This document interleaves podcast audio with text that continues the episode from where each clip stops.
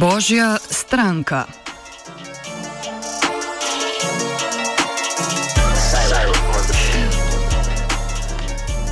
Na sobotni veliki šmaren, ko se je po verovanju kristijanov Devica Marija z dušo in telesom odpravila k nebeški slavi, so v številnih slovenskih crkvah obnovili posvetitev slovenskega naroda Jezusovi materi.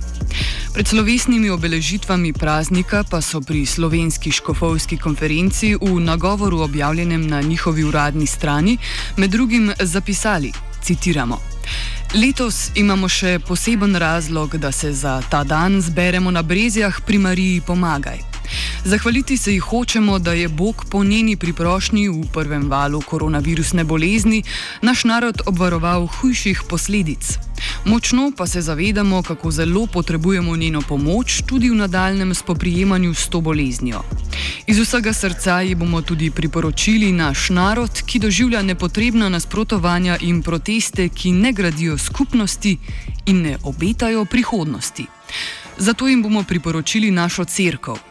Naše družine, naše izseljence in zdomce priporočili bomo vse, ki so odgovorni za skupno dobro in prihodnost našega naroda. Že to, da je slovenski narod posvečen Mariji, je svoje vrstna verska diskriminacija državljanov, ki verujejo v kaj drugega, a pustimo to ob strani.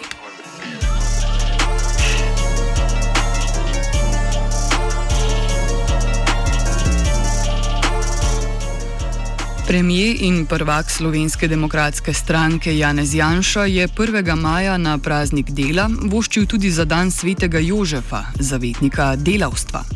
Minuli četrtek, ko se je v Sloveniji mudil ameriški zunani minister Mike Pompeo, je Janša med drugim uskliknil, citiramo, Bog živi v stoletjih skovano prijateljstvo med slovenskim in ameriškim narodom. Konec citata.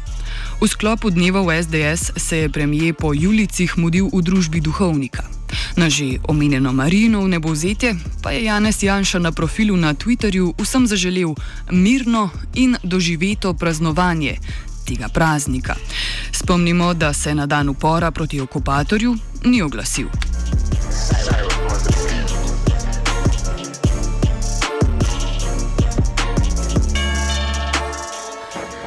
Cerkev navadno podpira desnico. Zdi pa se, da ima rimsko-katoliška cerkev v Sloveniji, krajše RKC, veliko kot Toninove krščanske demokrate, ki bi bili nekakšna naravna izbira, v čislih Janševo SDS ali karikirano Janšo osebno. RKC je sicer vsaj v našem prostoru v če dalje večjih škripcih. Število novih kandidatov za duhovne poklice, s tem mislimo na nove duhovnike, redovnike in redovnice, se manjša. Obisk nedeljskih maš je če dalje manjši, ne na zadnje je manjše tudi število krstov in cerkvenih porok. Duhovniki tako v današnjih sekularnih časih delujejo bolj po principu manje več ali bolj učeno rečeno kvaliteta vere pred kvantiteto vere oziroma kvantiteto vernikov.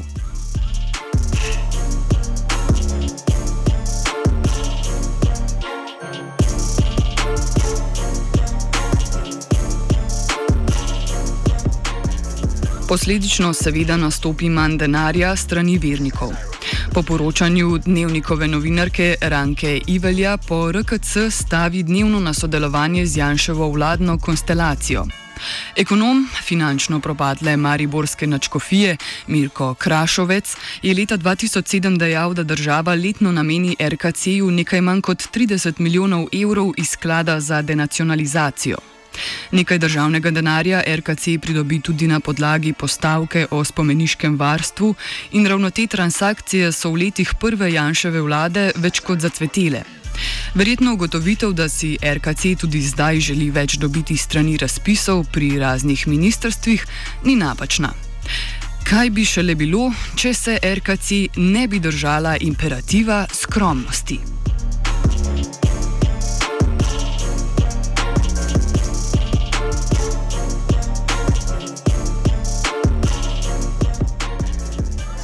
Naklonjenost Janševi vladi RKC kaže relativno odkrito. Imeniten primer je že prej citirani pisni nagovor škofov pred 15. augustom. Koperski škof Juri Bizjak je pri maši za domovino, na kateri je prisostoval celoten državniški vrh, pred slavnostno prireditvijo ob dnevu državnosti pred slabima dvema meseca v pridiki dal vedeti, da spoštuje in podpira delo vlade.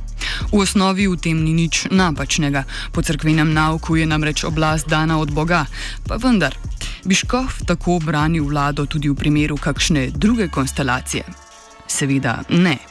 Lani je pri Maši za domovino pred dnevom državnosti Mursko-Soboški škof Petr Štumf, poleg obletnice priključitve prek Murja matični domovini, podaril pomembnost sklenitve novih delnih sporazumov med Slovenijo in Vatikanom, ki bi urejali področje katoliških šol, področje duhovne oskrbe v bolnicah in domovih za starejše ter podobno. Še leto predtem je podobno govoril Stanislav Zore. Seveda so bile razmere manj ostre, pa vendar.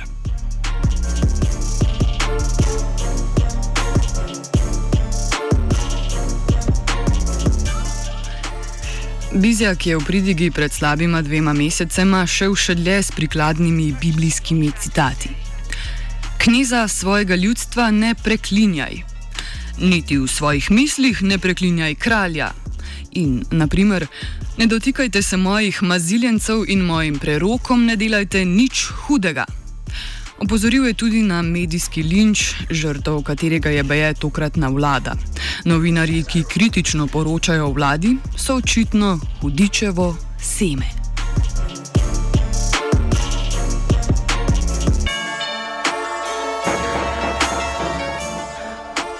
Temu, da sta Janševa retorika in retorika večine ostalih vidnih članov največje koalicijske stranke v glavnem nesramni, primitivni in vse bolj preraščata v groteskno gostilniško samodebato, to več kot očitno škofov s predsednikom slovenske škofovske konference in ljubljanskim načkofom Stanislavom Zoretom na čelu ne moti. Za nekaj več cekinčkov v mošnjah bodo tudi to pretrpeli, pa še premijer jim bo jih bo ustrajno, vsaj digitalno, če že ne s krščansko etiko, promoviral. Žaljenje, laži in stalni napadi na posameznike ali družbene skupine sicer ne pritičajo Jezusovemu nauku, ki naj bi ga RKC dosledno oznanjevala. Žalitve in laži očitno niso grešne, če so vsaj malo koristne.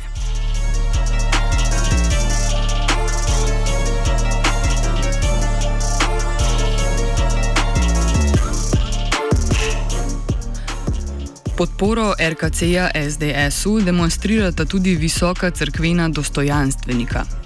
To sta rektor vikarijata Antona Martina Slomška v Mariboru Ivan Štuhec in akademik Janez Juhant, ki sta se v zadnjem času še najbolj izpostavila ob SDS-ovemu poskusu uvedbe nove medijske zakonodaje.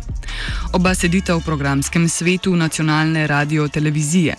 Juhant kot eden od dveh predstavnikov verskih skupnosti, Štuhec pa je bil imenovan konec aprila letos na predlog poslušalcev in gledalcev v parketu še z ostalimi, med katerimi sta tudi nekdanja kandidatka za poslanko SDS Alenka Gotar in član SDS-a Slavko Kmetič.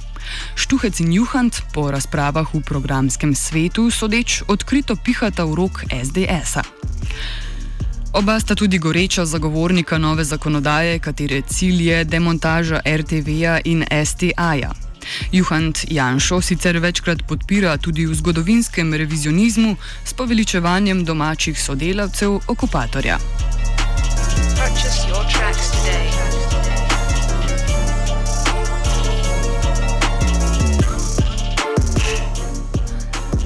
Na Marino v nebovzetje, ko je obeležil svojo biserno mašo, 60 let duhovništva, pa je hvala vladi na Brezjah izkazal tudi kardinal Franz Rode, sicer nekdani ljubljanski načkov. Po njegovo sta državnika Janša in predsednik države Borod Pahor končno presekala gordijski vozel sprave z junijsko mašo v Kočevskem rogu in s položitvijo vencev na domobranskem in še na partizanskem pokopališču. Spomnimo sicer, da sta podobno že leta 1990 storila takratni predsednik predsedstva Milan Kučan in tedajni ljubljanski načkov Alojzi Šuštar, a po Rodetovo crkv ne bi smela biti ena od strani v postopku sprave, saj so bili verniki, tako kot partizani, kot med domobranci. Rode je še dejal, da je sprava po tej potezi Janša in Pahorja mogoča in da lahko sanjamo o zedinjeni Sloveniji.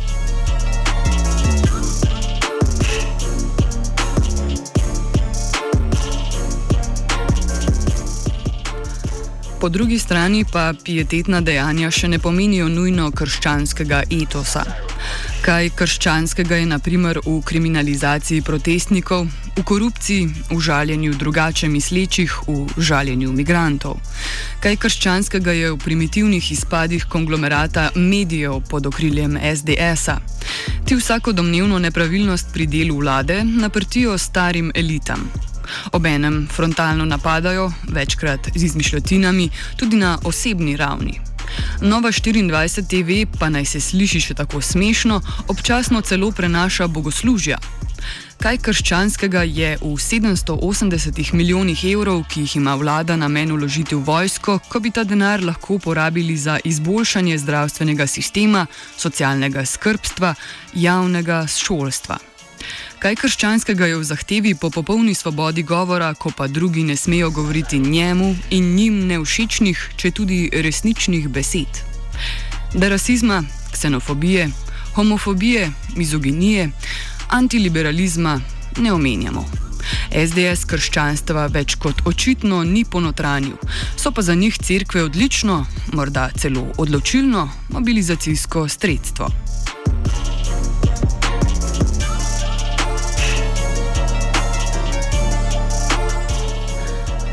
Ov komentar je pripravil Urh.